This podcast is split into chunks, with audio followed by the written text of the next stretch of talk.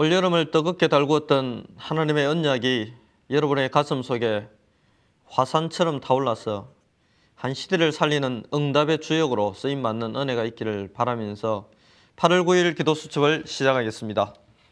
성경적 전도 운동이라는 주제로 오늘의 기도 수첩은 여러분과 함께 합니다.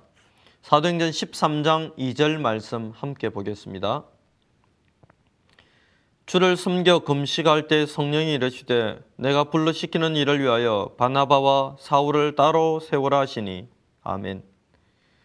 그리스도 안에 모든 해답과 행복, 응답과 축복이 담겨 있습니다. 이러한 행복을 나의 것으로, 이러한 응답을 나의 것으로 만드는 길은 바로 하나님의 말씀을 붙잡는 비밀 속에 있습니다. 이러한 하나님의 말씀을 붙잡으면 말씀대로 예수 이름이 역사하기 시작하고 그 이름의 능력대로 성령이 역사하시고 이 성령이 역사하실 때 허감이 무너지고 전도의 문이 열리는 그러한 축복이 나의 것이 되는 개인화의 응답을 받게 되는 것입니다. 올바른 전도를 할 때 허감이 무너지게 되는데 이러한 올바른 전도를 우리가 어떻게 회복해야 하고 또 올바른 전도 운동은 무엇일까요? 첫 번째, 전도 운동의 가치입니다. 제일 중요한 것은 저와 여러분이 이 전도 운동의 가치를 알아야 한다는 것입니다. 전도 운동의 가치를 알지 못하면 전도 운동의 전생을 드릴 수가 없습니다. 전도 운동의 가치를 알 때 저와 여러분은 하나님의 능력의 역사를 실제적이고 구체적으로 또 누릴 수가 있습니다. 종교단체와 흑암의 역사가 현장을 완전 장악하고 있습니다. 이러한 흑암 문화를 이기는 길은 전도 운동밖에 없습니다. 사단은 이미 흑암이라는 것을 문화로 완전 변화시켰어, 변질시켰어. 사람의 삶 속에 서며 들어와 있습니다. 전문인들이 있는 전문 분야의 심각한 영적인 문제와 그들을 치유할 수 있는 길은 전도 운동밖에 없습니다. 전도는 복음이 복음되게 하는 것입니다. 이 복음이 복음되는 응답을 누릴 때 비로소 저와 여러분은 전도 운동의 그 깊은 맛을 보게 될 것입니다. 흑암 경제를 이길 수 있는 길도 전도 운동밖에 없습니다. 사단은 경제를 흑암을 통해서 완전 장악했습니다. 무속으로 흘러들어가는 돈이 어마어마한 단위입니다. 술집과 유흥업소들을 통해서 흘러다니는 흑암 경제도 어마어마합니다.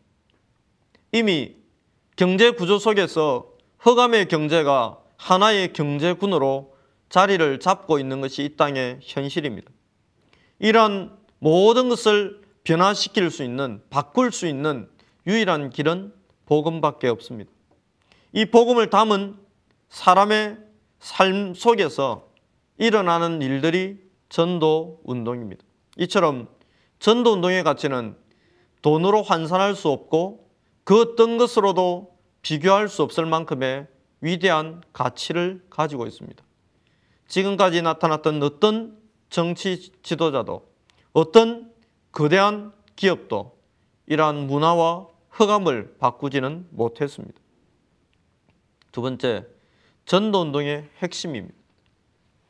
저와 여러분이 전도자의 삶을 회복하고 스케줄 속에 숨겨진 하나님의 전도 계획, 나와 관계된 만남 속에 담겨진 하나님의 전도, 지역에 숨겨져 있고 지역에 계획되어 있는 지교회의 응답들, 이 모든 것을 누릴 수 있는 전도의 핵심은 예수 그리스도입니다.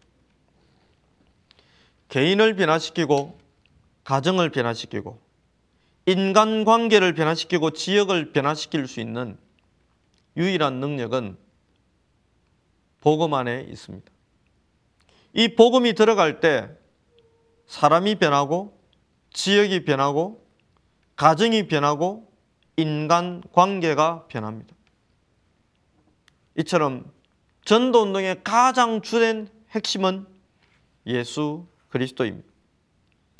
저와 여러분이 현장에서 이 그리스도의 비밀을 누리는 시간을 가질 때 비로소 불신자들이 저와 여러분을 통해서 하나님을 발견하게 될 것입니다. 전도 운동 하나님은 전도자 유광수 목사님을 통해서 2010년을 시작하면서 새로운 시작을 하시겠다고 말씀하셨습니다. 이 새로운 시작의 중심에 하나님은 다락방 전도 운동이 할 수 있는 최고의 키워드인 전도를 끄집어 내 놓으셨습니다. 세 번째입니다. 전도 운동을 위한 올바른 사명입니다. 저와 여러분이 가질 수 있고 또 가져야 될 만한 동기를 내려놓아야 합니다. 다른 동기를 내려놓고 전도 운동의 가치를 정확하게 현장에서 발견할 수 있어야 합니다. 그리스도의 비밀을 지식으로 알지 않고 삶에서 체험하는 축복을 누려야 합니다. 그러면서 현장에 죽어가는 영혼을 보는 실제적인 눈이 열려야 하겠지요. 이런 응답을 받으면서 저와 여러분이 기도를 실천한다면 하나님께서는 분명히 현장에 예배해 놓으신 이 전도 운동에 쓰임 받을 제자를 붙이실 것입니다. 하나님께서 이 전도 운동을 위해 주신 사명, 비전, 기도 제목을 나의 동기로 바꾸는 축복을 누리시기를 바랍니다. 오늘의 포럼입니다. 나는 전도운동과 어떤 상관이 있나요? 하는 척, 되는 척, 가진 척 하는 건 아닌가요? 오늘의 전도, 오늘의 기도, 오늘의 말씀을 누리고 있나요? 이를 위해 먼저 기도 속에서 전도를 준비하고 말씀을 붙잡아 보세요. 전도자의 삶이 시작되는 복된 날 되기를 바랍니다. 기도하겠습니다. 하나님께 감사를 드립니다. 새로운 시작을 하는 2010년 이 복음 안에 있게 하시고 하나님의 전도 계획 속에 있게 하심을 감사드립니다. 우리가 있는 모든 현장에서 하나님이 계획하신 참 전도 운동이 시작되게 하옵소서. 살아계신 구주 예수 그리스도 이름으로 감사하며 기도하옵나이다. 아멘.